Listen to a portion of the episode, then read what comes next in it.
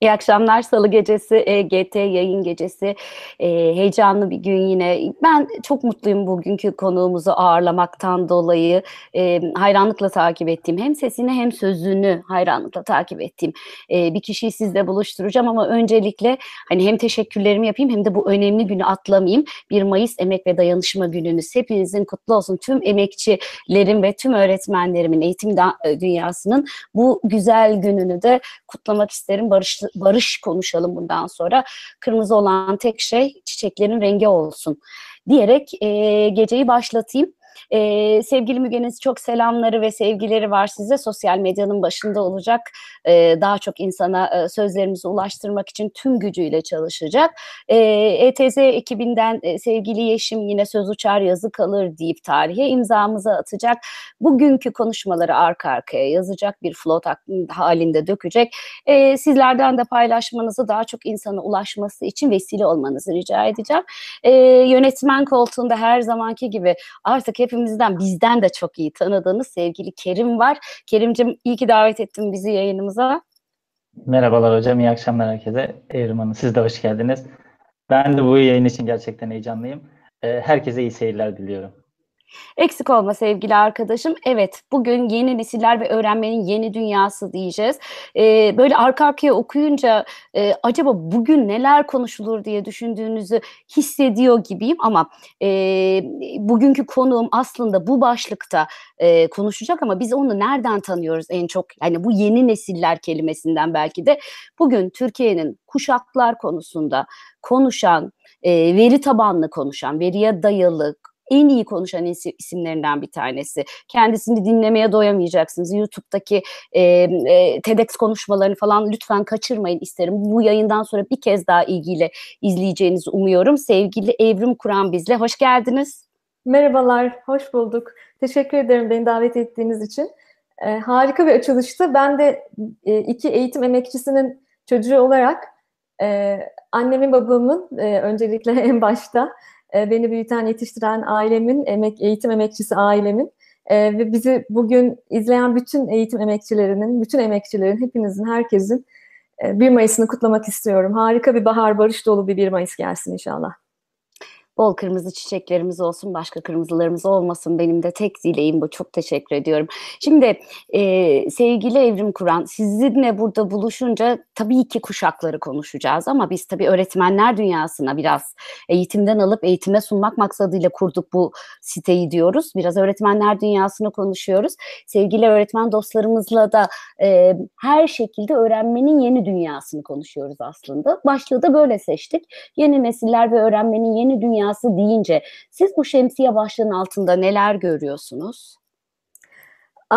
Ben e, sizin de açılışta e, ifade ettiğiniz gibi e, önce biraz oraya dönmek istiyorum. Minik bir girizgahla gireceğim. Çünkü bu konuda buyurun, bir takım yanlış anlaşmalar söz konusu olmaya başladı. Biz bu ara son yıllarda Türkiye'de bu yeni nesil demek çok popüler oldu. Her şeyin başına yeni nesil getiriyoruz. E, ve çok arkaik ve e, kadim bilgelikle dolu konuların başına bile yeni nesil dediğimiz zaman sanki daha bir çekici hale getirdiğimizi varsayıyoruz diye düşünüyorum. Ama ben gerçekten bütün samimiyetimle 18 senedir nesiller üzerinde çalışıyorum. E, yani Sizin her dönem... her nesil yeni aslında. evet. Bu yeni her... olur gibi bir şey mi Evrim Hocam? Evet. Yani her dönemin, her neslin, e, e, her çağın nesilleri üzerinde çalışıyorum. E, Türkiye'nin ve dünyanın yaşayan beş kuşağı ve bunların e, paternleri hakkında araştırmalar yapıyorum ve çalışıyorum. Bir araştırmacıyım temelde. E, ve tabii ki eğitimde bunun ayrılmaz bir parçası. Ama konu popüler olduğu için eğitimin başına yeni nesil eğitim falan getirmiş değiliz. Biz sadece çağı yakalamaya çalışıyoruz. En başta eğiticiler olarak e, eğitmen e, eğitim dünyasında bu böyle. E, benim içinde var olduğum, ticari olarak daha ziyade var olduğum dünya aslında kurumsal dünya. Ben e, Türkiye'de ve çeşitli ülkelerde ve yaşadığım ülkede çeşitli organizasyonların e, genç yetenekler nezdinde çekici e, olabilmeleri için e, neler yapılması gerekiyor? Bunun araştırmalarını yapan biriyim ve tabii ki her zaman karşımıza şu çıkıyor. E, eğitim, eğitim konusu karşımıza çıkıyor. Türkiye'nin ve dünyanın veya dünyanın Türkiye gibi gelişmekte olan ekonomilerinin yaşadığı çok temel bir sorun var. Bu da aslında üniversitenin bile, üniversite ve üniversite sonrası dönemlerin bile e, temel e, yetkinlikleri, çağa uygun yetkinlikleri kazanmak için çok geç olduğu. Dolayısıyla ben her ne kadar e, kurumsal hayata ve e, organizasyonel sistemlere yetenek e, sağlanması alanlarında daha yoğun çalışsam da dönüp dolaşım, dolaşıp gittiğim yer hep şu oluyor. E, temel eğitim, temel öğretimin ne kadar kıymetli olduğu ve oradaki eksiklerimizin ve gediklerimizin ivedilikle toparlanması gerektiği. Bu sebeple e, eğitimin e, yeni dünyası, yeni nesil e, gelişim programlarından daha çok daha yüksek sesle ve daha cesaretle e, bahsetmeliyiz diye düşünüyorum. Temel olarak yaptığım şey bu. Elbette ki araştırmalarımızda dünyanın 61 ülkesinde araştırmalar yapan bir yapıyız biz. Bu ülkelerden önemli biri Türkiye. Çünkü yaklaşık her sene 50 bin gençle çalışıyoruz Türkiye'de. Ve bu 50 bin gencin eğitime ve gelişime bakış açısıyla da ilgili türlü derlemeler yapıyoruz. E, oradan aldığımız içgörüler bana şunu çok net bir şekilde gösteriyor ki üniversite çok geç ve biz bu işleri aslında çok erken konuşmaya başlamak durumundayız. Ben e, çalıştığım kurumlara hep bunu söylüyorum.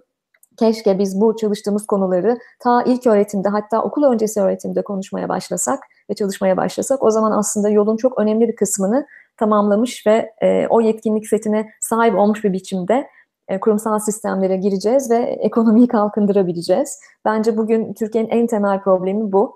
Gençlerini daha çok seven ve gençlerin eğitimine daha çok önem veren bir genç ülke olduğumuzda bu demografinin hakkını vereceğiz diye düşünüyorum. E, araştırmaları e, temel almak yani veri tabanlı eğitim hakkında konuşuyor olmak eğitim camiası için çok önemli. Hatta bence bugün yaşadığımız ayağımızı taşa takan takıldığı yerlerin tümü bu veriye dayalı değil de hisse dayalı ya da geleneğe dayalı ya da politikaya dayalı e, aldığımız kararlar. Halbuki biraz işte gencimizi e, veya toplumumuzu dinlesek farklı olacaktı. Ama ben öğretmen açısından sormak istiyorum.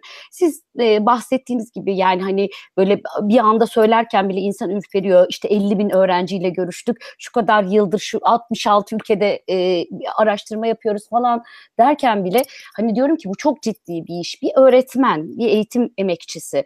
E, sizce e, bu datalardan, e, bu raporlardan nasıl faydalanabilir? Sizden nasıl faydalanabilir?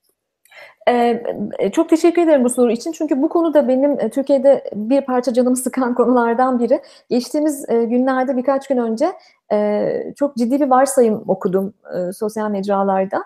Ee, varsayımlar çok tehlikeli. Bizim çok ciddi varsayımlarımız var. 224 örneklemli bir araştırma yapılmış ve bu araştırmadan altını çiziyorum 224 insana sorulmuş ve bu 224 e, beyaz yakalı çalışana sorulmuş. Bu 224 beyaz yakalıya e, sorulan sorudan sonra da e, beyaz yakalıların %95'i girişimci olmak istiyor diye bir e, çıkarımda bulunulmuştu geçtiğimiz günlerde Türkiye'de. Evet, sosyal medyada paylaştınız galiba evet, değil mi bunu? Dikkat e, evet, çekmişti. Evet, 224 yani ben e, 50 bin örneklemli bir araştırma yaparken bile dilimizin ucunu ıstırmaya gayret ediyorum ve her zaman ekip arkadaşlarıma da e, e, birlikte çalıştığımız dostlarımıza da her zaman şunu söylüyorum.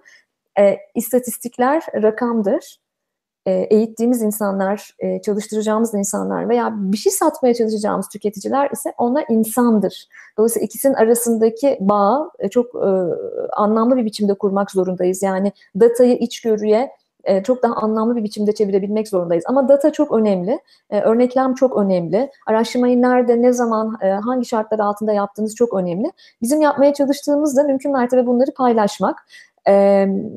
Bizim tabii ki kuruma özel, organizasyona özel çok fazla kapalı araştırmamız var ve işte türlü gizlilik anlaşmaları sebebiyle bunları alenen basında da paylaşamıyoruz. Ama ben mümkün mertebe e, bilgi paylaşma platformlarında her sene Türkiye ile ilgili edindiğimiz datayı dünya karşılaştırmalı olarak vermeye çalışıyorum. Biz şu an araştırma sürecindeyiz. Lütfen takip edin. Her sene e, Eylül ayında Harvard Business Review'da Türkiye'nin üniversite öğrencileri ne istiyor diye biz bir araştırma yayınlarız. Bu seneki araştırmamızda son yıllarda özellikle işte Finlandiya, e, Kore, e, kimi unuttum? Finlandiya, Kore, Singapur, e, Singapur Japonya, e, evet. gibi ülkeler. Bir parça Kanada'yı da koyabilirim benim Kanada. de yaşadığım. E, bu ülkelerle daha fazla karşılaştırma koyacağız mesela bu seneki raporumuzda. Şu an araştırma sürecindeyiz, tamamlamak üzereyiz. E, neden koyacağız? Çünkü ben şunu göstermek istiyorum e, Türkiye'deki ilgililere de. E, bu bir çıktı. Yani bizim şu an çok büyük bir yetenek problemimiz var. Yetenek e, kıtlığı, sıkıntımız var Türkiye'de. Ama bu çıktı ta ilk öğretimin e, kalitesinden e, başlayan bir çıktı. Dolayısıyla bu seneki araştırmayı İşte bu çok popüler yani eğitim e, sistemleriyle çok popüler olan ülkelerin gençlerinin e, aynı araştırmaya verdikleri datanın karşılaştırması olarak vereceğiz. E, biz bu dosyaları her zaman açıkça Harvard'da paylaşırız ama sosyal mecralarda da paylaşıyoruz. E, bu seneki araştırma ile ilgili böyle bir heyecanım var. Yine yaklaşık 40-50 bin civarı e, 20'li yaşlardaki gencin e, nasıl süreçlerden geçtiğini gösterecek bir başka e, araştırmamız bu. Ama yanı sıra ben e, birçok genç arkadaşım, e, birçok eğitimci arkadaşım bu alanda artık yüksek lisans ve doktora çalışmaları da yapmaya başladılar. E, ben bu işlere başladığımda hikaye böyle değildi. Şu an çok seviniyorum o yüzden. Bu tarz çalışmalarda da, bu tarz araştırmalarda da mümkün mertebe desteklemeye çalışıyoruz. Ben ve özellikle İstanbul ekibim. E, elimizden gelen e, her türlü destek, her türlü çaba buradan da söylemek istiyorum eğitimci arkadaşlara. E, araştırma fazlarında yardımcı olabileceğimiz her konuda biz varız, e, buradayız. E, bunu da duyurmak istiyorum çünkü e, kolektif bir çaba gerekiyor. E, elbette, Aynen. E, elbette ben e, e, bu işi elbette hayatını kazanmak için yapıyorum. Elbette benim e, ticari bir tarafı da var yaptığım işlerin. E, ama e, ülkeden biraz uzakta olsam da an itibariyle bir vatanseverim. Dolayısıyla bu kolektif çabayı hepimizin koyması gerektiğini düşünüyorum. E, bu çok çok çok önemli bir konu. Peki an itibariyle neredesiniz? Bunu bir izleyicilerimize söyleyelim. Evet, e, ben şu an e, an itibariyle Toronto'dayım. E, Kanada'dayım. E, Saat kaç? Kanada'nın Toronto kentindeyim. Aramızda 7 saat fark var. Şu an e, öğleden sonra 2 çeyrek geçiyor burada.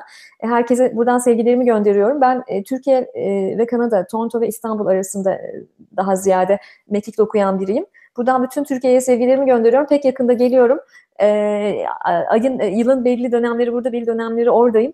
E, ama çalışmalarım ağırlıklı olarak e, Türkiye İstanbul ofisinden yürütüyorum. Peki şimdi şunu soracağım. Evet yani evrim Kur'an'la konuşmaya devam edeceğiz. X, Y, Z e, jenerasyonlarını falan da soracağım hiç merak etmeyin. Ama anne olarak soruyorum. Ee, orada bir e, çok tatlı bir e, genç adamın annesisiniz. Görüyorum sosyal medyadan da. Ve Kanada'da eğitim alıyor anladığım kadarıyla. Evet. Kanada eğitim sistemiyle ilgili olarak anne olarak öngörüleriniz, e, görüşleriniz daha doğrusu nedir? Hani şöyle bir kıyas yapsanız hani siz de Türkiye'de okudunuz bildiğim kadarıyla. Evet, e, evet ben Türkiye'de okudum. Aslında benim e, örneğim bir parça daha enteresan olabilir. Çünkü benim oğlum Ali e, Türkiye'de eğitim hayatına eğitim hayatına başladı ve daha sonra e, Kanada'ya geldi. Yani e, ve bu ikisi arasındaki farkı benim bir ebeveyn olarak veya bir kuşak araştırmacısı olarak anlatmamdan ziyade belki e, Ali ile ilgili gözlemlerimi paylaşmam çok daha anlamlı olabilir. E, çünkü çok enteresan bir şey yaşıyorum onunla. E, ben hiçbir zaman e, akademik başarıya önem veren bir anne olmadım. E, bunu bu saatten sonra da olmam diye düşünüyorum. E, biliyorum çok dilimizde pelesenk olmuş bir laftır ama bir kuşak araştırmacısı özellikle de Z jenerasyonuna yani bu çocuklara çok büyük bel e, bağlamış, umut bağlamış bir kuşak araştırmacısı olarak e, mutlu ve iyi bir insan e, olmasına çalıştım her zaman. E, çok inandığım bir şey var. Köklerini unutmaması, köklerini bilmesi ama kanatları da olmasına her zaman çalıştım. E, yani bir dünya vatandaşı olsun ama köklerini de hiçbir zaman unutmasın diye. Bundan başkaca bir çabam olmadı. Ve hiçbir zaman e, akademik olarak çocuğumun Türkiye'de okurken de akademik olarak e, ne, ne, ne durumdadır, işte notları nasıldır, hangi sınava nasıl hazırlanır falan oralarla pek ilgili bir ebeveyn olmadım. Böyle ebeveynlerin de çocukları şöyle oluyor sanırım. E, akademik olarak çok başarılı bir çocuk benim oğlum. Akademik başarıdan çok motive olan bir çocuk. E, ve e, Bence güzel, iyi bir okula gidiyor, e, iyi bir eğitim alıyor e, burada. Özellikle e, 7. sınıfta e, çok hayalin, şu an 6. sınıfta okuyor. 7 ve 12. sınıflar arası hayalinde hayalini kurduğu ve tamamen kendi çabalarıyla sınavlarına hazırlandığı bir okulu kazandı geçtiğimiz haftalarda. E, 7. sınıfta yeni okuluna başlayacak. Ama bütün bunlar olurken Ali'nin bir problemi var. Önce bunu söylemek istiyorum. Ali buradaki sistemin onu yeterince zorlamadığından dolayı üzgün. E, aslında biz çocuklarımızın ayarlarını Türkiye'de e, ne hale getirmişiz diye bakıyorum ben. E, çünkü benim oğlum sistemin onu zorlamasını istiyor. E, canın, canını biraz acıtsın istiyor sistem. E, onu daha çok zorlasın istiyor. Ben de hep kendime şu soruyu soruyorum. Neden 11 yaşında bir çocuk zorlanmak ister?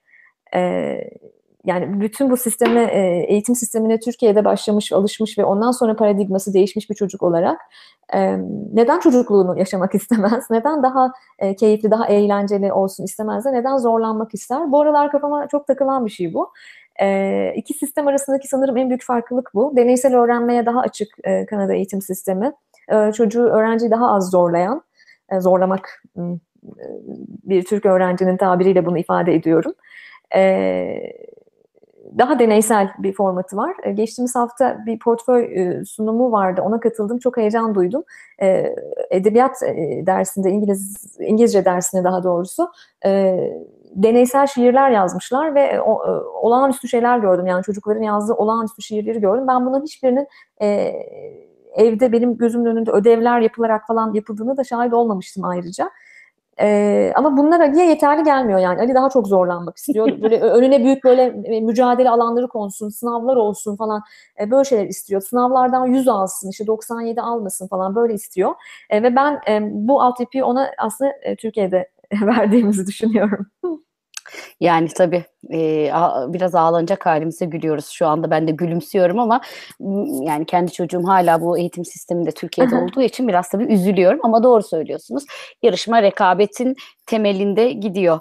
E, Türkiye'de evet. bıraktığınız yerde yani her şey eğitim sisteminde. Evet benim e, benimki de öyle. Yani rekabet istiyor, daha fazla rekabet istiyor ve yarışmak istiyor.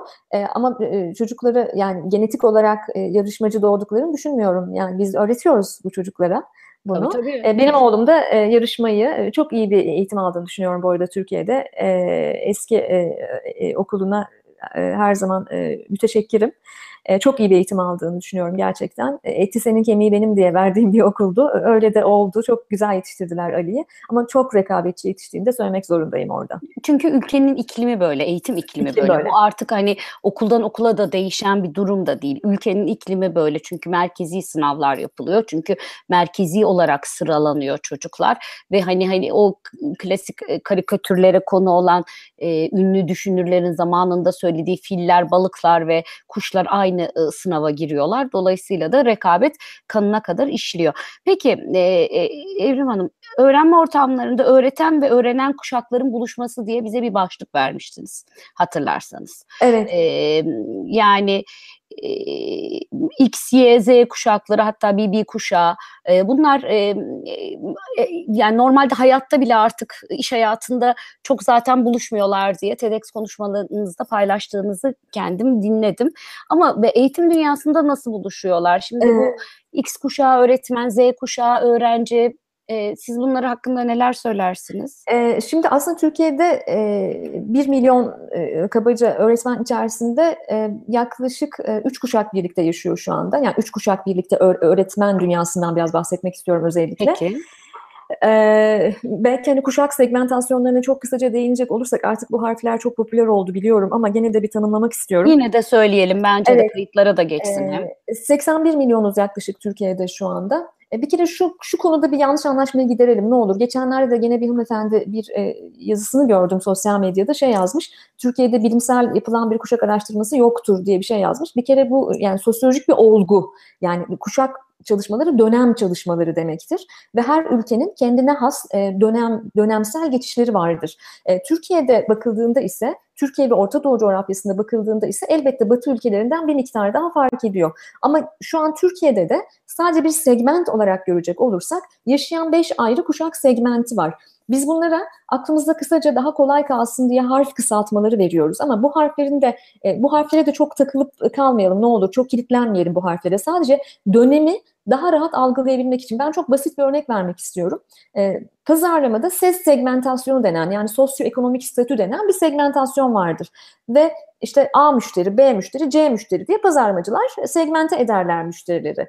E, A plus müşteri, işte üst gelir grubu müşteri. Şöyle bir şey diyemeyiz. Bunların hepsi Porsche araba kullanır diyemeyiz değil mi? Bunların hepsi Tabii. E, hepsi e, e, en üst e, segmentte otellerde konaklar da diyemeyiz. Ama bu bize segmentasyon olarak bir ışık yakar. Dolayısıyla daha rahat çalışma alanı olduğunu gösterir. Yani biz bu işi böyle çok astrolojinin burçları ele aldığı falan gibi ele almaya e, çalışan yapılar değiliz kuşak araştırmacıları olarak. Bizler dönem araştırmacılarıyız. Dönemin özelliklerinin insan paternine nasıl bir etki bıraktığını anlamaya çalışıyoruz. Ve Türkiye'de yaşayan beş kuşak içerisinde öğretmen popülasyonuna bakıldığında e, üç e, kuşak bir arada. Fakat bizim genel olarak şöyle bir problemimiz var. Türk iş dünyasında, eğitim dünyası da bundan ayrı bir tarafta değil. Türk iş dünyası genel olarak iki buçuk kuşaklı. Yani benim de içinde olduğum kabaca, çok kabaca söylüyorum. Bu İslam'ın Hı hı. şartı değildir. Yani illa orada başlayacak, burada bitecek diye bir şey yok. Ama Kolay kabaca- anlaşılmak adına. Kolay evet. anlaşılmak adına 1965'te başlayıp 1979'a kadar dünyaya gelmiş ve kabaca X kuşağı diyelim biz bunlara. Aslında kuşak arketiplerinde bunların e, bambaşka isimleri var. E, birkaç güne kadar Türkiye'de benim e, kitabım raflarda olacak. Bunları çok detaylı bir şekilde anlattım. Ne İnşallah, kadar güzel. e, ilk kez bu Türkçe böyle bir çalışma yapılabildi en azından e, üzerinde iki yıldır çalıştığım bir e, çalışma bu. Ama kabaca biz benim de içinde bulunduğum 1965-79 arası doğan bireylerin bulunduğu kuşağa bakıldığında yaklaşık olarak öğretmen popülasyonunun nereden baksanız yüzde yüzde belki 40-45'lik bir bölümünü kapsıyor. E, Yüzde 40-45'lik bir bölümünü kapsıyor olabilir. Fakat e, benim için çok önemli bir şey var. Kuşaklar buluşması çok önemli. Bizim kuşaktan önceki e, kuşaklara bakıldığında yani benim içinde bulunduğum kuşaktan önceki kuşaklara bakıldığında biz onlara bebek bombardımanı kuşağı diyoruz genel olarak. İşte e, 1945 ve 60 e, e, 65 arası, 64 Arası, arası, 64 evet. sonuna kadar doğduğunu kabul edelim. Bu kuşağa bakıldığında bu kuşak o dönemin şartları gereği çok erken emekli olmuş bir kuşak olduğu için şu anda iş hayatında ve eğitim hayatında da çok aktif değiller. Ben şuna inanıyorum. Bu kuşağında yani bebek bombardımanı kuşağında Türkiye'de mutlaka aktif olarak e, bulunması e, gerektiğini düşünüyorum. Sistemik yapılar inşa edilirken çok değerli bir kuşaktır. Çok çok değerli bir kuşaktır. Özellikle öğretmenlik mesleğinde öğretmen okulu e, görmüş bir kuşaktır. E, bir Evet, önceki kuşaktan e, getirdiği geleneği, köy enstitüsü geleneğini taşıyabilecek bir kuşaktır. E, öğretmen okullarında e, yetişmiş e, önemli bireyler vardır içlerinde. Dolayısıyla bu kuşağın da mutlaka sisteme faydası olması gerektiğini düşünüyorum. Ama öğretmen popülasyonumuzun çok önemli bir kısmı da şu anda Y jenerasyonu. Yani 1980'den sonra doğanlar zaten Türkiye'de 27 milyon sayısı. Yani Türkiye 81 milyonluk Türkiye'nin zaten çok önemli bir kısmı Y jenerasyonu. Ee, kısaca toparlamam gerekirse şunu söylemeye çalışıyorum. Aslında Türkiye'de öğretenlerin dünyası iki buçuk kuşaklı şu anda. Çok az miktarda bebek bombardımanı kuşağı aktif görevde. Ama X ve Y kuşakları daha ziyade birlikte çalışıyorlar. Ve e, genellikle e, X kuşaklarının, benim de içinde bulunduğum X kuşaklarının yöneticiliği altında çalışıyorlar okullarda. E, bir parça daha e, öğreten Y kuşağını, e, öğreten gençleri e, bir parça daha dinlemek ve e, onların e, e, 21. yüzyıl yetkinlikleriyle ilgili varoluşlarına biraz daha fazla kulak vermek gerektiğini düşünsem de bu üç kuşağın da görüşlerini aynı masada paylaşmalarının çok kıymetli olduğunu düşünüyorum. Ve bu üç kuşak Türkiye'nin e, çok önemli, dünyanın çok önemli bir kuşağı olan milenyum çocuklarını yani Z kuşağını yetiştirmeye çalışıyor. Dolayısıyla öğrenme dünyasında aslında şu anda dört tane kuşağın buluşması söz konusu. E, ben zaman zaman okullara gidiyorum. İlköğretim okullarına gidiyorum. E, fırsat buldukça Türkiye'de e, çeşitli sohbet toplantılarına, e, hizmet içi eğitim e, seminerlerine katılıyorum ve e, konuşuyoruz. Farklı zümrelerle çalışıyoruz. E, ve ben e, naçizane bir şey söyleyeceğim. Naçizane bir tespitimi paylaşacağım. Yanılıyor da olabilirim ama e, e, öğretmen e, yani eğitim camiasında, öğretmen camiasında da Y kuşağının, öğretmen Y kuşağının sesinin yeterince çıktığını düşünmüyorum. Öğretmen olarak Y kuşağının, öğretmen Evet. Y kuşağının. Öğretmen Y kuşağının da sesinin Peki bu Y kuşağının genel çıkması gerektiğini ka- düşünüyorum. karizmatik durumundan kaynaklı olabilir mi yoksa bu mesleğe özgü bir şey mi sizce? Ee, Yani e, başka ben- mesleklerde daha mı çok sesleri çıkıyor Y kuşağının? Yo yo yo genel olarak e, genel mi? olarak şöyle e, kendilerini daha az e, e, daha fazla ifade etmeleri gerektiğini düşünüyorum. E, me- mesleki platformlarda da böyle düşünüyorum. Ben size daha enteresan bir şey söyleyeyim. Biz 6 senedir Türkiye'de mezun olduğunda hangi e, endüstriye yönelmek istiyorsun diye araştırmalar yapıyoruz. E, ve e, son birkaç senedir Türkiye'de mezun olduğumda eğitim e, sektöründe yer almak istiyorum diyen gençlerin sayısı bir hayli fazla. Ama ben mesela bunu da biraz sorguluyorum. Acaba gerçekten bu mesleki aşktan mı kaynaklanıyor yoksa öğretmenliğe bakışın e, öğretmenliğe bakışla ilgili de sorgulamamız gereken şeyler var mı? Yani çok farklı e, alanlarda eğitim almış, e, eğitimine devam eden üniversite öğrencileri e, ben eğitim ve gelişim sektöründe olmak istiyorum, eğitim sektöründe olmak istiyorum, işte e, eğitim sektöründe çalışmak istiyorum diyorlar bize. Hatta 2017 araştırmamızda birinci sırada çıkmıştı eğitim sektörü. Yani eğitici olmak, eğitmen olmak, öğretmen olmak istiyorlar aslında bir taraftan da. E, ben bunu da biraz sorguluyorum. Hani acaba mesleği nasıl görüyor Türkiye'nin genci? Bir taraftan Evet, bunu da sorguluyorum. Hani acaba hani e, o uzun tatiller e, varsayımları, işte e, iş güvencesi İş varsayımları, güvencesi. değil mi? Evet. E, Evet, daha az evet. çalışıyor varsayımları, eve iş getirmiyor varsayımları falan gibi varsayımlardan dolayı mı acaba böyle ele alınıyor diye. E, ama özetle ben e, e, okullarda da e, eğitim camiasında da e, Y kuşağı eğitim profesyonellerinin e, profesyonellerine çok e, görev düştüğünü düşünüyorum. E, okul yöneticilerine ben özellikle seslenmek istiyorum. Genç öğretmen arkadaşlarımızı çok daha fazla dinleyip onlarla çok daha e, çok daha aktif çalışmalar içerisinde yer almamız gerektiğini de düşünüyorum. E, bu, bu biraz okul yöneticilerine de söylemek istediğim bir şey. Peki yani şey burada e, kuşakları ve kuşakların genel e, davranış modellerini e, ya da varoluş modellerini ya da bu bu anlamda yapılmış araştırmaları bilmenin e, atıyorum Y kuşağı öğretmeninin işine yarar mı Z Yarar. kuşağı öğrenciye e, hitap etmek açısından? Yarar. Lütfen araştırma yapın. Ben buradan herkese sesleniyorum. Araştırma yapmak o kadar zor bir şey değil. Lütfen sorun, varsaymayın. 200 kişiyle de gör- görüşmeyin. Yani okullarda e, bizim erişebileceğimiz e, e, binlerce, milyonlarca e, e, eğitici ve binlerce, milyonlarca e, öğrenci de var bir taraftan. Bu çok önemli. Bence varsaymadan araştırmalar yaparak ve bunları sürekli güncelleyerek modeller çıkarmamız gerekiyor. Yani değişen e, biçimi, modeli, değişen paterni, değişen öğrenme yöntemlerini mutlaka sorarak algılamamız gerekiyor. Ben her şeyi tersine çevirmemiz gerektiğini düşünüyorum. Ezberlerimizi bozmamız gerektiğini düşünüyorum. Ve e, ben bir araştırmacı olarak bile önüme 6 ay önce yapılmış bir çalışma geldiğinde bile imtina ediyorum açıkçası bakarken. E, acaba şu anda yeni e, çağın bugünkü bağlamında bu acaba geçerliğini koruyor mu diye de düşünüyorum. Özellikle de Orta Doğu coğrafyası gibi e, gündemin çok hızlı değiştiği, e, çok daha büyük esneklikler gereken ortamlarda bence e, sıklıkla tekrarlanmalı. Yani lütfen velilerle araştırmalar yapalım, öğrencilerle araştırmalar yapalım ama öğretmenlerimize de soralım. Evet. Öğretmenlerimize de soralım. Yani ne deneyimliyorlar, ne yaşıyorlar? Ben bu çağın deneysellik çağı olduğuna inanıyorum. E, çok kıymetli bir iletişimci, Kanadalı e, bir iletişimci, Allah rahmet eylesin, McLuhan der ki, biz bir e, e, bunu aslında açıkçası 1960'larda 70'lerde söylediği bir laf. E, bir anksiyete çağı geliyor ki geldi. Yani şu an yaşadığımız çağı anlatıyor McLuhan. E, bir anksiyete çağı geliyor ve bu anksiyete çağının en önemli özelliği de şu. E, bugünün problemlerini dünün araçlarıyla çözmeye çalışmak. Ben eğitim camiasında da hala bugünün problemlerini dünün araçlarıyla e, çözmeye devam e, ettiğimizi düşünüyorum. Ama bugünün problemlerini bugünün araçlarıyla çözmek demek süper, über, dijital olmak demek midir? Bu konuda da bir kendimizi sorgulamak isterim.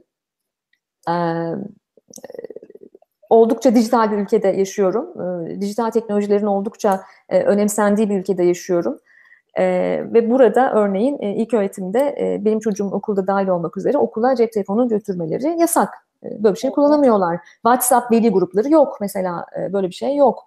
Ee, okul müdürümüz beğendiği, sevdiği makaleleri, fotokopilerini bize postalıyor.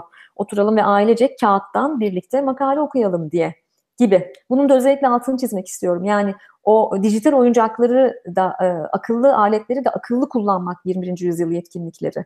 Aşırı Evet. derecede dijitalize olmak da değil yani. Evet evet. Peki şimdi hani şu yüz- 21. yüzyıl e, yetkinlikleri e, falan de, deyince şu yetenek kıtlığı dünyada ve Türkiye'de artan yetenek kıtlığına bir başlık ayırmıştık hatırlarsanız konuşmalarımızın içinde. Demiştik ki bu kıtlığa karşı artan bu kıtlığa karşı öğrenmenin yetkinlik geliştirmedeki rolü e, üzerine konuşalım demiştik. Bu konuda neler söylersiniz?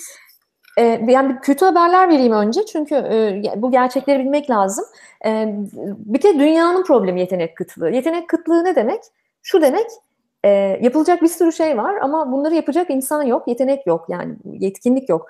E, yani biz bir de yani hani e, insansı robot Sofya'ya çiçekli gömlek falan giydiren efendim başka insansı robotlara oyun havaları falan oynatan bir milletiz. Yani biz hani bu, bu bunları icat ediyoruz, çıkarıyoruz, buluyoruz, getiriyoruz memlekete falan da ee, ama bunun gerçek yaşama transferi konusunda yetkinliklerin ve yeteneklerin gerçek yaşama transferi konusunda bir takım sıkıntılarımız var.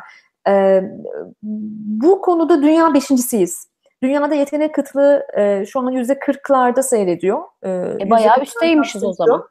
Ee, evet burada dünya beşincisiyiz. E, dünya ortalaması yüzde 40, biz yüzde 66 ile dünya beşincisiyiz. Ne demek yetenek kıtlığı? Önce onu bir tarif edelim mi? Şimdi e, bugün bizi dinleyen eğitimci dostlar, sizler aslında e, mucitler, e, kaşifler, sanatçılar, bilim insanları yetiştiriyorsunuz. Değil mi? Yani geleceğin e, geleceğin Gelecek. Evet. yani geleceğin her meslek grubunu siz yetiştiriyorsunuz. Geleceğin her meslek grubunu. E, ve hepsi çok kıymetli. Yani bir musluk tamircisi en iyi bir şekilde işini yaptığı zaman, e, sokakları süpüren kişi en iyi bir şekilde orayı süpürdüğü zaman itiraf içinizde yaşadığımız dünya muhteşem bir hale geliyor. Dolayısıyla her meslek çok değerli ve her mesleğin erbabını aslında özellikle ilk öğretim eğitim eğiticilerinin, eğitimcilerin yetiştirdiğini düşün, düşünüyorum ben.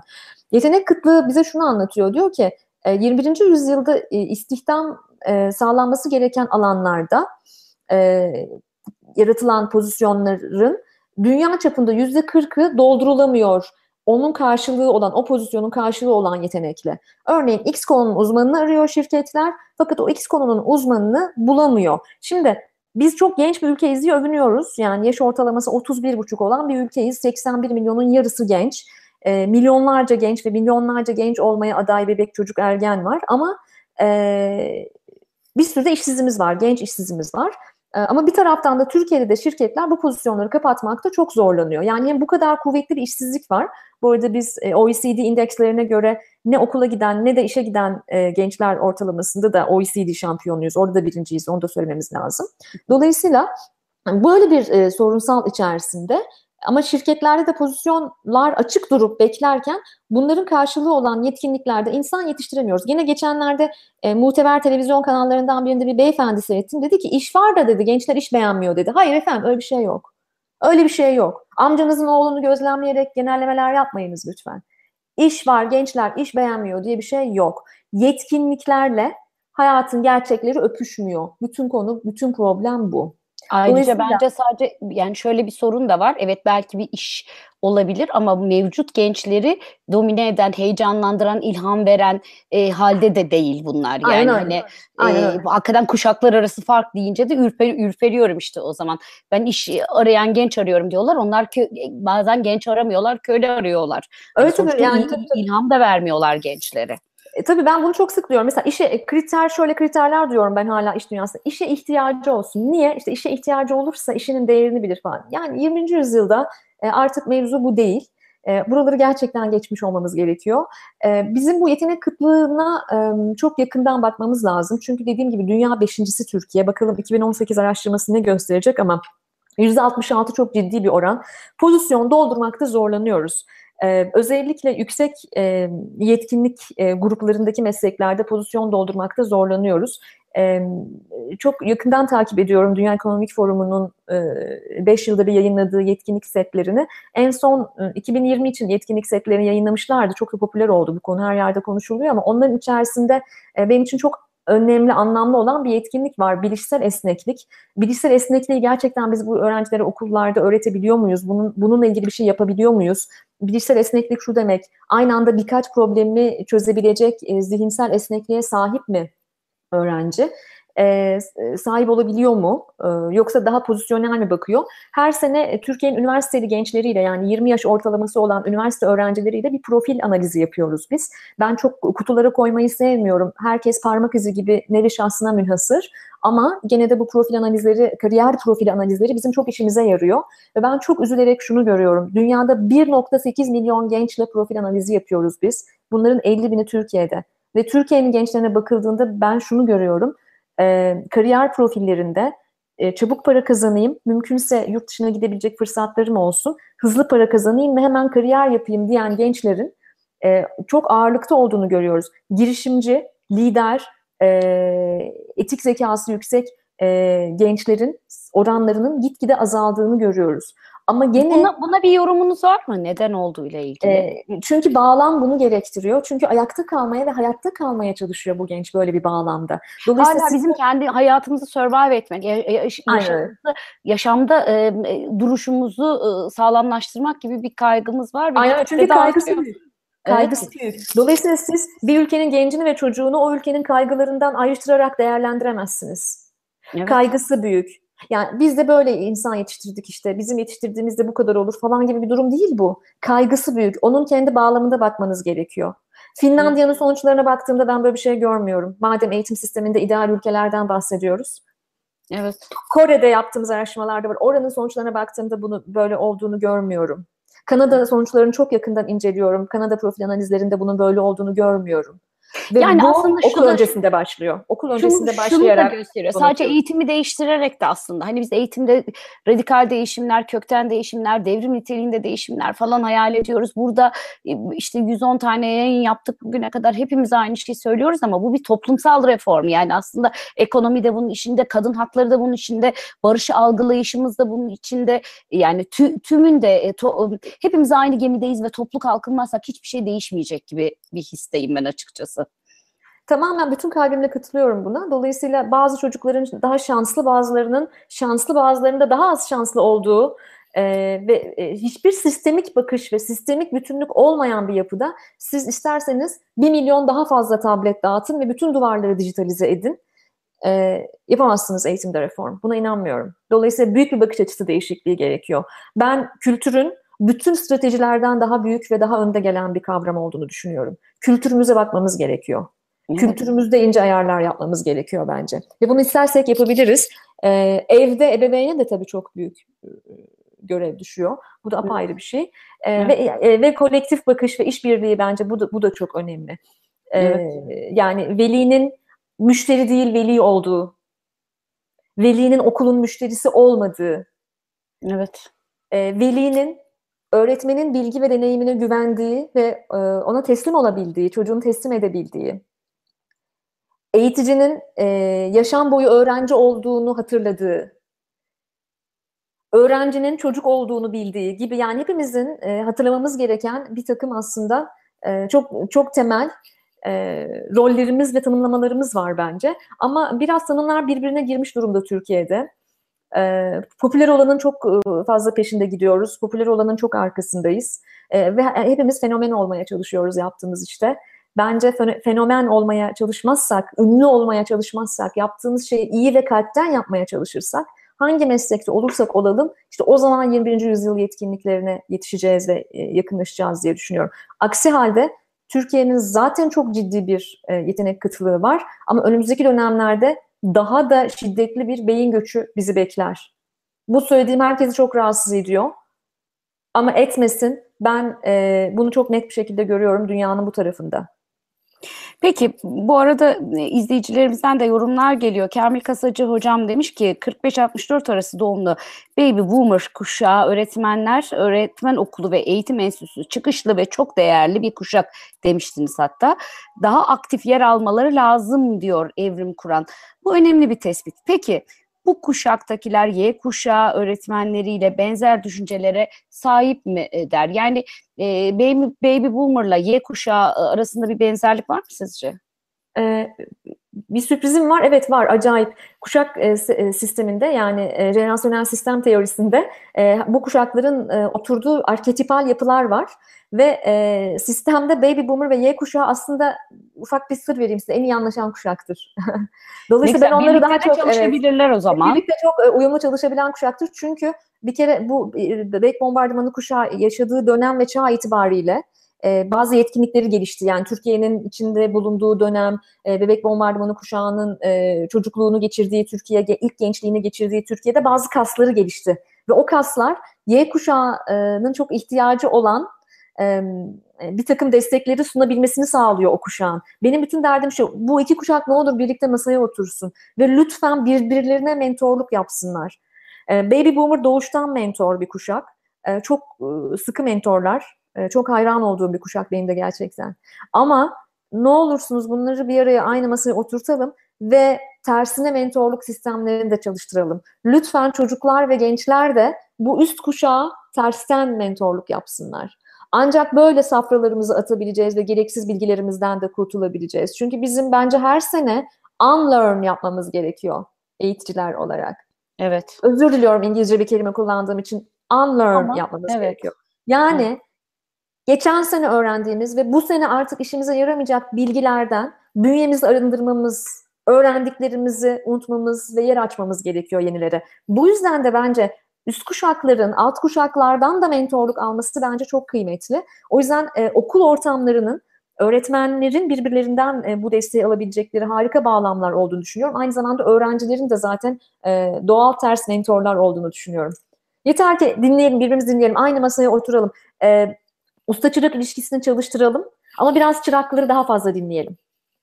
Peki şu geleneksel öğrenmeye karşı ters yüz edilmiş öğrenme bu bahsettiğiniz şey mi aslında? Ee, Tersine aslında, mentorluk mu evet, aslında? e, aslında flip learning yani ters yüz edilmiş öğrenme tam olarak e, reverse mentoring değil ama bence tersine mentorluk da bir ters yüz edilmiş öğrenme biçimi. E, aslında e, Amerika'da Kuzey Amerika'da ortaya çıkmış deneysel bir öğrenme yöntemi e, ters yüz edilmiş öğrenme. Bildiğimiz klasik e, öğrenme metodolojisini tersine çeviriyor. Nedir klasik sınıf ortamı? E, ders sınıfta, e, bilgi sınıfta verilir. Yani oldukça didaktik bir ortamdır. Sonra çocuğa ödev verilir. Bu yetişkin e, eğitiminde de böyle oldu yıllarca. Hala da bunu böyle yapan kurumlar var. Sonra çocuk gider evde ya da öğrenci gider evde ödevini yapar ve gelir. Bunu ters yüz ediyor. Yani öğretmen artık e, sürekli didaktik ve sahnede bilgi veren bilge kişi değil, kenardaki rehber konumuna geçiyor. Yani aslında e, sınıfta dersi anlamaya ayrılan, dersi e, öğretmeye ayrılan zamanı öğrenci bireysel olarak kendi çalışmalarıyla yapıyor. Yani kendi araştırmalarını, ön araştırmalarını, ön çalışmalarını yapıyor ve e, derse gittiğinde ders sadece bilginin tartışıldığı, e, insanların karşı argümanları birlikte geliştirebildikleri, kolektif bir e, e, fikir gelişimine doğru gidebildikleri bir tartışma platformu haline alıyor. Reverse mentoring yani ters mentorluk uygulamalarında da e, bu bunu yapmak çok olası. Tersli mentorluk uygulamalarında da biz zaten genelde böyle yapıyoruz yetişkin eğitiminde kurumlarda. E, gençler e, bir ay boyunca kendi aralarında e, araştırmalar ve fikir paylaşımları yapıp üst kuşakları gidip e, üst kuşaklarla beraber e, bu derledikleri datayı e, birlikte tartıştıkları platformlar yaratıyor. Dolayısıyla bence bunları e, e, konvansiyonel bütün yöntemleri bir kez daha gözden geçirip mümkün mertebe e, yapabileceklerimizi al aşağı etmenin ben çok değerli olduğunu düşünüyorum. Ama hepsini yıkalım, öldürelim demiyorum. E, her zaman şunu söylüyorum. E, kültür bütün stratejilerden daha önemli ve daha önde gelir ve bizim mutlaka geldiğimiz yerleri ve köklerimizi unutmamamız gerekiyor. Ama e, geleceği e, kucaklayan bir yapı için öyle akıllı aletlerle, çok aşırı dijital ekranlarla, akıllı tahtalarla falan yapılabilecek şeyler değil bunlar. Fikirlere yer açmamız gerekiyor. Evet. E, Ben e, ben flip learning'in e, ters yüz edilmiş öğrenmenin acayip kıymetli bir model olduğunu düşünüyorum ve Türkiye'de ne yazık ki çok az okul uyguluyor bunu hem yüksek öğretimde hem öncesinde. Benim dileğim ve hayalim inşallah bu ters yüz edilmiş öğrenme metodunun metodolojisinin ki araştırmaları araştırmalarla ortaya konmuş, kendini ispatlamış bir yaklaşım. Çok etkilendiğim bir yaklaşım. Birçok problemin üstesinden gelebilecek bir çözümlerden biri olduğunu düşünüyorum. Türkiye'de daha fazla benimsenmesini hayal ediyorum. Umarım öyle olur. Ben e, bu arada eğer buradan beni bizi izleyen öğrencilerim varsa onlara da hem sevgilerimi sunayım hem de söyleyeyim bir süredir derslerimde deniyorum üniversitedeki derslerde. E, çok keyif alıyoruz sınıfça. E, çok büyük mevcutu olmaması gerekiyor tabii bu tip ders. Yani sadece şey değil işte bunu yapmaya kalkmak değil mevcut koşulları da iyi değerlendirmek iyi, lazım ama gerçekten biz e, öğrenmenin anlamlı hale geldiği gibi bir tespit yaptı geçen hafta bir arkadaşım derste. Ya hocam dedi anlamlı hale geldi benim için. Neyi öğrenmem gerektiğini anladım.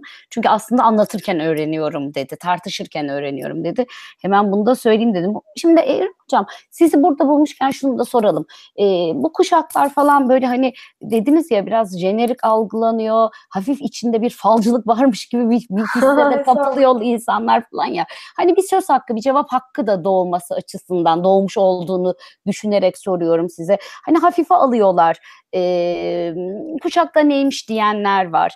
E, onlara nasıl cevap veriyorsunuz siz normalde? Hafif alanlar da yeni yeni kuşaklar icat etmekten geri duramıyor ama öyle bir durum var. Gene geçtiğimiz günlerde A kuşağı diye yeni bir kuşak gördüm. Ee, bir kere lütfen e, canımız sıkıldıkça yeni yeni kuşaklar icat etmeyelim.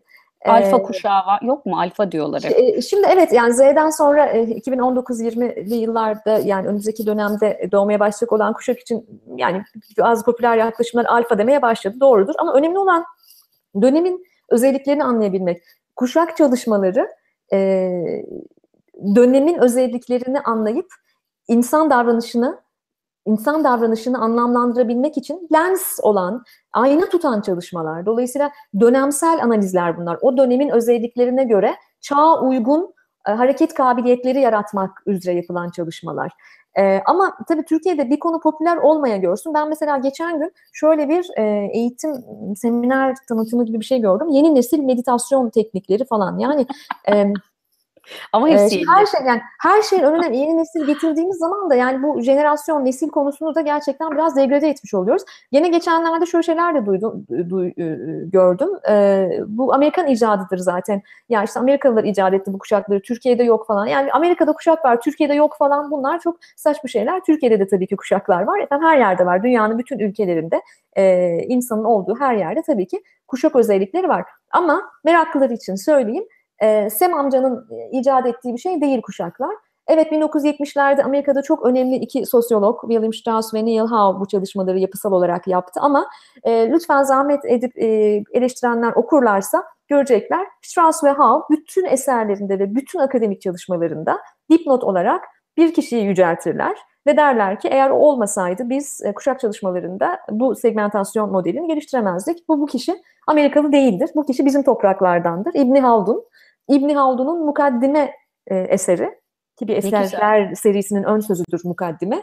E, lütfen kuşak okuması yapmak istiyorum, kuşak çalışması yapmak istiyorum diyenler varsa e, lütfen İbni Haldun okuyunuz, mukaddime okuyunuz. E, Batı sosyolojisinin babasıdır kendisi ve aslında bu segmentasyonu binlerce yıl evvel bize haber veren kişidir İbni Haldun. E, bunun gibi pek çok, İbni Haldun gibi pek çok önemli e, ilim insanı ve e, ilerleyen çağlardaki pek çok önemli tarih bilimci, pek çok önemli araştırmacı çok kıymetli e, eserler verdiler, çok kıymetli çalışmalar yaptılar. E, ama yapmaya çalıştığımız şey ne? Biz çağa uygun sistemler geliştirebiliyor muyuz? Benim için de kuşaklar, kuşak çalışmaları bunun için bir araç. E, yani benim derdim e, popüler bir konferans konuşmacısı olup çıkıp e, böyle tatlı tatlı konuşmalar falan yapmak değil ortamda e, fenomen olmak falan da değil. Ben bütün derdim çağa uygun e, modeller geliştirebiliyor muyuz eğitimde ve istihdamda. E, çok seviyorum gençleri. Gençler üzerine çalışıyorum. E, ve hayatımı tamamen bunun üzerine kurdum. Buna çok adanmış biriyim. Dolayısıyla yaptığımız bütün çalışmalar da buna hizmet ediyor. Ben gençler e, babaları zengin olmadan da spor yapabilsinler istiyorum. Türkiye'de. Evet. Babaları zengin evet. olmadan da iyi eğitime erişebilsinler istiyorum. Hobileri olsun istiyorum. Müzikle ilgilensinler istiyorum. E, sokaklarda dans etsinler istiyorum. E, ağaçların altında e, piknik yapsınlar istiyorum. Bunları istiyorum. Çok fazla şey istediğimi düşünmüyorum. Bu Çok fazla şey istiyorsun. bu istediğim bu istediğim şeyle de ilgili hem e, bir Türkiye Cumhuriyeti vatandaşı hem de bir ebeveyn olarak ve bir birey olarak bu istediğim şeyi de öyle oturup sadece meditasyon yaparak istemiyorum. Diyorum ki bir de ben bunu acaba araştırmalarla nasıl destekleyebilirim ve biz kurumlar olarak neler yapabiliriz? Ben Türkiye'de gerçekten çok fazla sayıda ticari kurumun, ticari kurumun yani ana iştigali karlılık olan çok fazla sayıda ticari kurumun Türkiye'nin e, kamu kurumlarının bile yapmadığı kadar gençlik istihdamı, gençlik gelişimi, gençlik e, sosyolojisi üzerine çok kıymetli çalışmalar yaptığını düşünüyorum. Hepsinin alımlarından öpüyorum buradan ayrıca. Aa, çok güzel söylediniz. Biraz yorumlara gidelim. Ee, Kerem Dündar demiş ki WhatsApp veli grubu yok mu? Olamaz, olamaz. Çocuklar ödevini almadan eve gelince benim velim ne yapacak demiş. Herhalde Kanada'daki eğitim sistemine şoka girdi. Nerede dijital dönüşüm? Yok ya biz daha iyiyiz. Oh rahatladık demiş. Ee, ah sevgili Kerem hani o kadar o soru işaretinin arkasında bu yazdıklarının arkasında nasıl bir e, isyan ve e, yakırış yattığını hepimiz anlıyoruz aslında.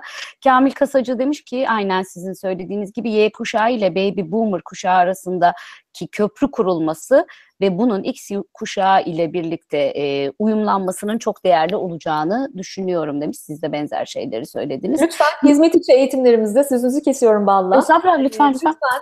Hizmet içi eğitimlerimizde ne olur ne olur ne olur e, bu tarz e, e, deneysel e, fikir geliştirme çalışmalarına daha fazla odaklanalım okullarda. Bunların çok önemli zamanlar olduğunu düşünüyorum.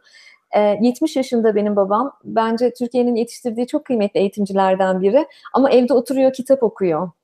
hayatımda gördüğüm e, e, en entelektüel e, insanlardan biri ve bence şu an hayatın en verimli çağında benim baby boomer babam 70 yaşında emekli ilköğretim müfettişi ve e, öğretmen. Öğretmenimize Ee, buradan saygılarımızı sunalım. Sanırım yayında olabilir, yayında di- diye duymuştum. Türkiye'den yayına katılacağını duymuştum. Ama şunu söylemek istiyorum, şu örneği vermek istiyorum. Neden? e, Benim babam çok sağlıklı biri. Niye evde oturuyor, kitap okuyor? İşte haftada beş tane falan kitap okuyor, notlar çıkarıyor, benimle notlarını paylaşıyor. Düşünebiliyor musunuz yani oradaki o birikim orada Neler öylece katar? duruyor. Neler katar? Neler katar? Yani e, emekli bir insan bu. E, Ticari olarak hiçbir şeye Şahsen- ihtiyacı yok. Şahsen e, çantasını taşımak isterim. Bütün Evet, gün çantasını taşıyıp Yani onun ama- yanında ama ne kadar yani e, Ne kadar çok- değerli olur. kendim için çok kıymetli bir şeyden bahsediyorum. Yani Ee, yine eğitimlerde Şule Yurcu- alalım. Lütfen alalım. Ne olur davet edelim. Yani etrafımızdaki lütfen öğretmen okulu görmüş, e, baby boomer e, e, e, emekli eğitmenlerimizi ne olursunuz sisteme dahil edelim. Ama onların yanına ne olur gençleri oturtalım. Harika fikirlerle harika modeller çıkaracaklar. Bugün yayınımıza gelmedi ya da bir şekilde tweetini göremiyorum. Belki de sadece izliyordur ama sevgili Şule Yurcu hocamı da buradan sevgiyle anmak istiyorum. Ee, o da bu bahsettiğiniz öğretmenlerden bir tanesidir. Kendisine yolda ne zaman dokun, yolum ne zaman onunla kesişse sadece 3-5 dakika bile konuşsam e, ondan ayrıldığım zaman pek çok şey öğrenmiş ve sarsılmış hatta yani kelimenin tam anlamıyla sarsılmış buluyorum kendimi. Gerçekten e, büyük bir iletişim fırsatı doğ- doğuyor onlarla e, işbirliği yaptığımızda bence. Ali Cenap Kuş demiş ki ne iş olsa yaparım devrinden ben bu işin uzmanıyım devrine geçeli çok oldu. Ne güzel. Yine Kerem e, iş var e, yapmıyor eşek sıpası derlerdi eskilerde. Demek o eskilerde arta kalan varsa işte bunlardan demiş. E, tam bu noktada aslında ben o zaman bir tane bir dakika dur hemen bir kitap paylaşacağım. Geliyorum. Tamam. Konuğu kaçırdık.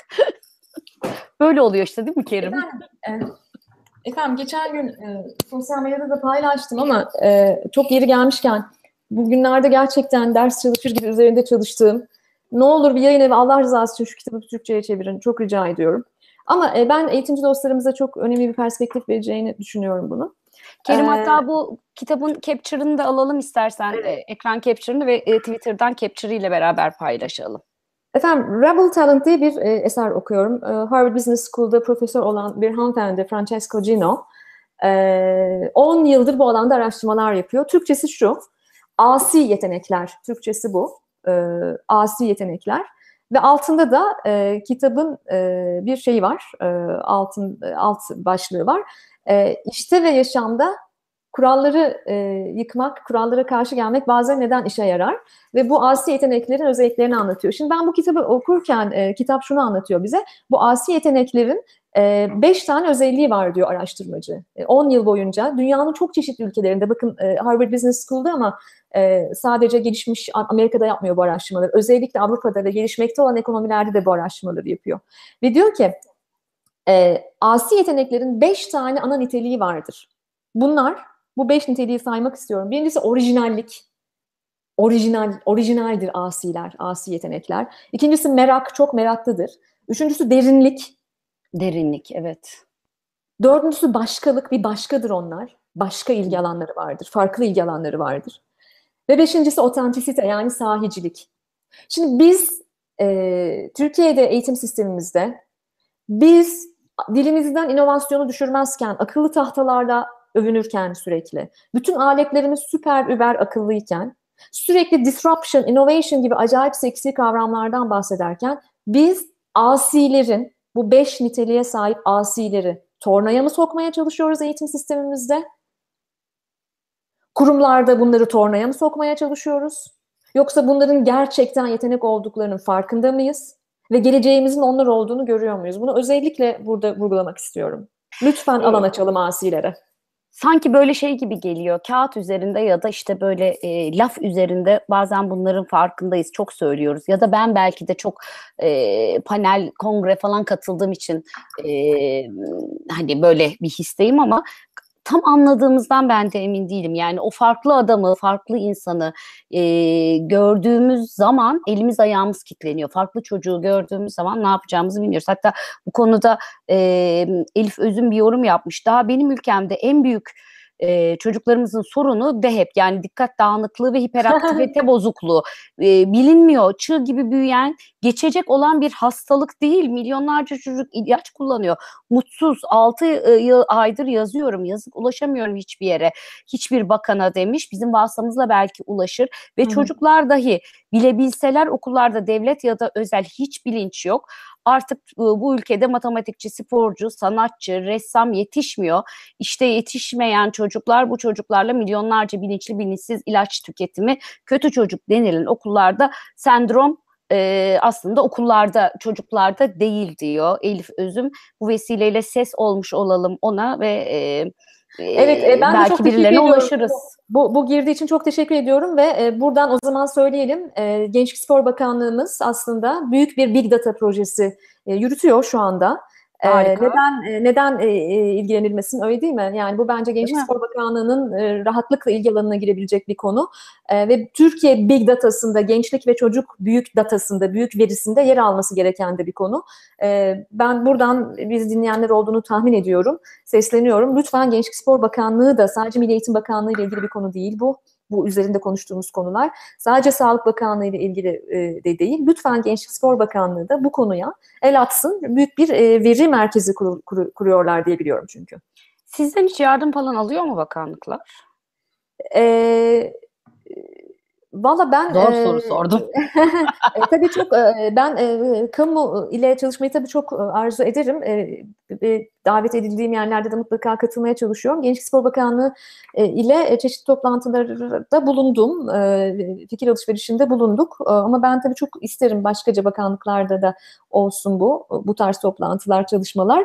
E, ama geçtiğimiz günlerde ben e, Türkiye'de bir e, Üç gün kadar önce bir çok önemli, kıymetli bir gençlik zirvesi yapıldı. Büyük bir heyecan ve merakla e, uzaktayım şu anda, uzaktan izledim. E, yaklaşık 4000, 3500, 4000 genç toplandı. E, ve e, yeni nesil yetkinlikler, yeni nesil eğitim, içinde yeni nesil geçen her şey konuşulması gereken bir etkinlikte. E, evet hayır yarışması, bilek güreşi gibi e, etkinlikler yapıldı Lütfü Kırdar Spor Salonu'nda, Lütfü Kırdar Kongre Salonu'nda. Ee, yani Benim iyi yani niyet yani niyetliyiz. Hani bir takım gençleri de topluyoruz niyetlerimiz var falan ama hani sonuçta e, bunlar biraz uzmanlık konusu. Yani keşke uzmanlar dav- dahil edilse davet edilse ve e, aslında ihtiyacımız olan şeyin yetkinlik gelişiminde evet hayır yarışması bilek güreşi veya insansı robotlara halay çektirmek falan olmadığını keşke hep beraber e, oturup bir arada konuşabilsek. Herhangi e, politik sınırlara e, tabi olmadan. Selçuk Derici demiş ki öğretmenlerin mutlak yaşadıkları dönemin etkisinde oldukları bir ön kabuldür. Ancak kuşaklar arası bir ayrıştırmadan dikkatle uzak durup her kuşağın temsilinin sağlıklı bir işbirliğiyle yönetilmesi temsili daha doğru olur. Katılıyor ve destekliyorum sizi demiş. Ee, yine ve eklemiş öğrenci bu sistemde var, var olan sistemde yapı taşı değil deneme tahtası yapılmış durumda. Sosyal sıkıntı sadece okulda değil hayatımızda mevcut. Çocuklarımıza iyi bir altyapı veremiyoruz demiş ki biz de aynı şeyi söyledik. Yani en azından ben demin aynı şeyi söyledim. Hani eğitim çok şey demek ama e, o kültürel reformun ya da işte kültürümüzün asıl yapı taşlarının eskilere sahip çıkmadığımız zaman da eski değerlerimize, değerlerimizi yitirdiğimiz zaman da işte dönüp dolaşıyoruz. E, Evet yani e, gelişmekte olan e, toplumların, gelişmekte olan ekonomilerin çok belirgin ortak bir özelliği var. O da statü sembollerine fazlaca anlam addetmesi. Maalesef Türkiye'de eğitim de bir statü sembolü, e, okul da bir statü sembolü haline aldı. Dolayısıyla e, bence bu konuda bence e, bireylerin, ebeveynlerin, velilerin de dönüp kendilerine bazı sorular sorması gerekiyor diye düşünüyorum. Yani lütfen e, yani Z kuşağı ile ilgili bana çok soruluyor. Yani nasıl olacak, ne, ne bitecek, bunlar e, dünyayı kurtaracaklar mı falan diye ben çok özel, çok e, e, çok zengin kaynakları olan harikulade bir kuşak olduğunu düşünüyorum. Ama bu tornaya bu çocukları sokmayalım. Lütfen bırakalım düşsünler, kalksınlar, dizleri kanasın, bir daha kalksınlar, burunları aksın, ağlasınlar, hasta olsunlar. E, ve ellerinden o akıllı aletleri biraz alalım lütfen. Evet. Bu çocuklar o aletlerden daha akıllılar. E, lütfen kapatalım o aletleri. Çok rica ediyorum herkesten. E, çocuklarımızı e, oyalanırken oyalansınlar diye çok fazla e, tabi oluyorlar dijital Nasıl kapat nasıl kapatacağımızı bilmiyorsak da bununla ilgili hakikaten güzel çalışmalar yapan, e, güzel kitaplar yayınlayan dostlarımız var. Biz de sosyal medyadan paylaşıyoruz. Gül Özer demiş ki ismini anmadı ancak eylem araştırması ve araştırmacı öğretmen modelinin öneminden bahsediyor Evrim Kur'an. Ben böyle anladım demiş. Çok doğru, evet. Çok doğru anlamışsınız. Teşekkür ediyorum. Eylem araştırması kalp, ben. Süpermiş. Çok kolay anlaşıldı bu böyle söyleyince de. Ee, ve çok çok mümkün ve bunu eğiticiler, e, öğretmenler yapmayacak da kim yapacak? En iyi öğretmenler yapar eylem araştırmasını bence. Yine Kamil Kasacı demiş ki çok güzel bir ara böyle yetişkin eğitimi projesi hazırlamıştık. Tam da proje çift taraflı mentorluk vardı bu projede. Bir AB projesiydi ama kazanamadık. Keşke birlikte yapabilseydik demiş. Açık Keşke. davet var size. Kamil Bey gene yaparız. Ee, Benim e, Türkiye'de e, bu tarz e, tersine mentorluk çok fazla, tersine mentor projesi yaptığım çok fazla organizasyon var ama benim başka bir hayalim var. Onu söyleyeyim ben size. Ee, benim yaşadığım ülkede, burada Kanada'da e, bizim bir başbakanımız var burada.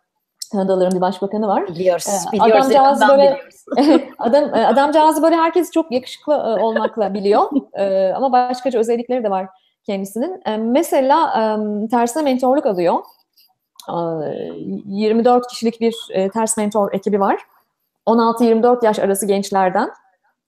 Eğitimle ilgili, sporla ilgili, bilimle ilgili, sanatla ilgili, sokaktaki hayatla ilgili, aklınıza gelebilecek her şeyle ilgili e, çok ciddi şekilde ters mentorluk alıyor ve bu gençler yazında e, liderlik e, programı denen mecliste bir program yapıyorlar. Yani bütün e, milletvekilleri yanına, yanlarına bu gençleri alarak e, mecliste birlikte program yapmak durumundalar. Yani e, bu onların rol tanımlarında, görev tanımlarında var. Dolayısıyla bence büyük etkiyi biz buralardan e, aşağıya doğru yayabiliriz.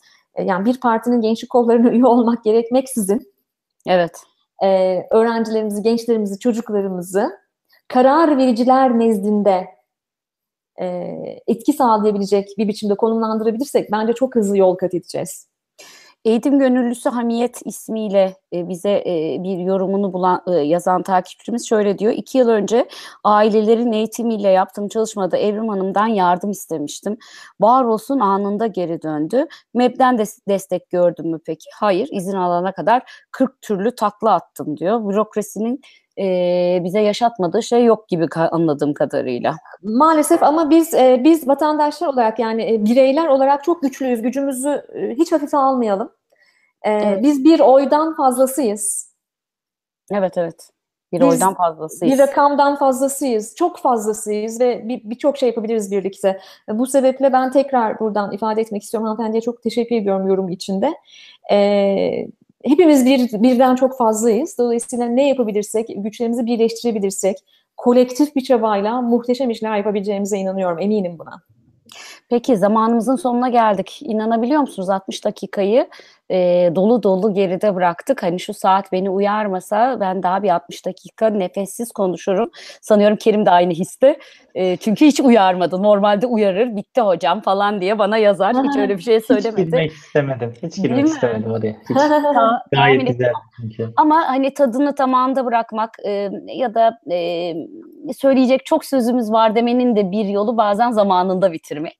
O yüzden izninizi rica ediyorum sevgili Evrim Hocam. Bu vesileyle sizi e, tanımayan öğretmenlerle buluşturduğumuz için, tanımayan genç adaylarla buluşturduğumuz için çok mutluyum. Çok teşekkür ederim. Ağzınıza sağlık.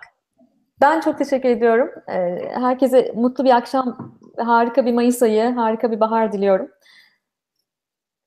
Ee, şimdi e, sevgili Kerim bizleydi. Ee, hem teknik yönetmenimiz olarak Evrim Hanım'ın e, online olmasına büyük destek kattı. Hem de yayınlarımızı sosyal medyadan yayınlarımızı ya- yazdı, yaptı. Ee, çok teşekkür ediyorum. Yeşim söz uçar yazı kalır dedi. ETZ'nin gönüllü ekibine bir kez daha teşekkür ediyorum. ETZ'den yeni yeni haberler gelecek. Farkındayım. Evet, yakın zamanda. Yakın zamanda onu da heyecanla bekliyorum. E, Müge'yi buradan e, sevgiyle selamlıyorum. E, çok güzel e, paylaşımlarda bulundu. O da hesaplarımızdan daha çok insana ulaştırdı sözlerimizi. E, 1 Mayıs e, emek ve dayanışma gününüzü tekrar kutluyorum. E, emeğinizin kıymeti bilinsin diyorum sevgili öğretmen dostlarıma. E, tekrar görüşünceye kadar haftaya belki size yine sürprizlerimiz olabilir. Ondan sonraki haftalarda da değişik planlarımız var. EGT yayın heyecanını tırmandıracak ve e, dönem sonuna kadar sizlerle birlikte olacak. İyi akşamlar diliyorum.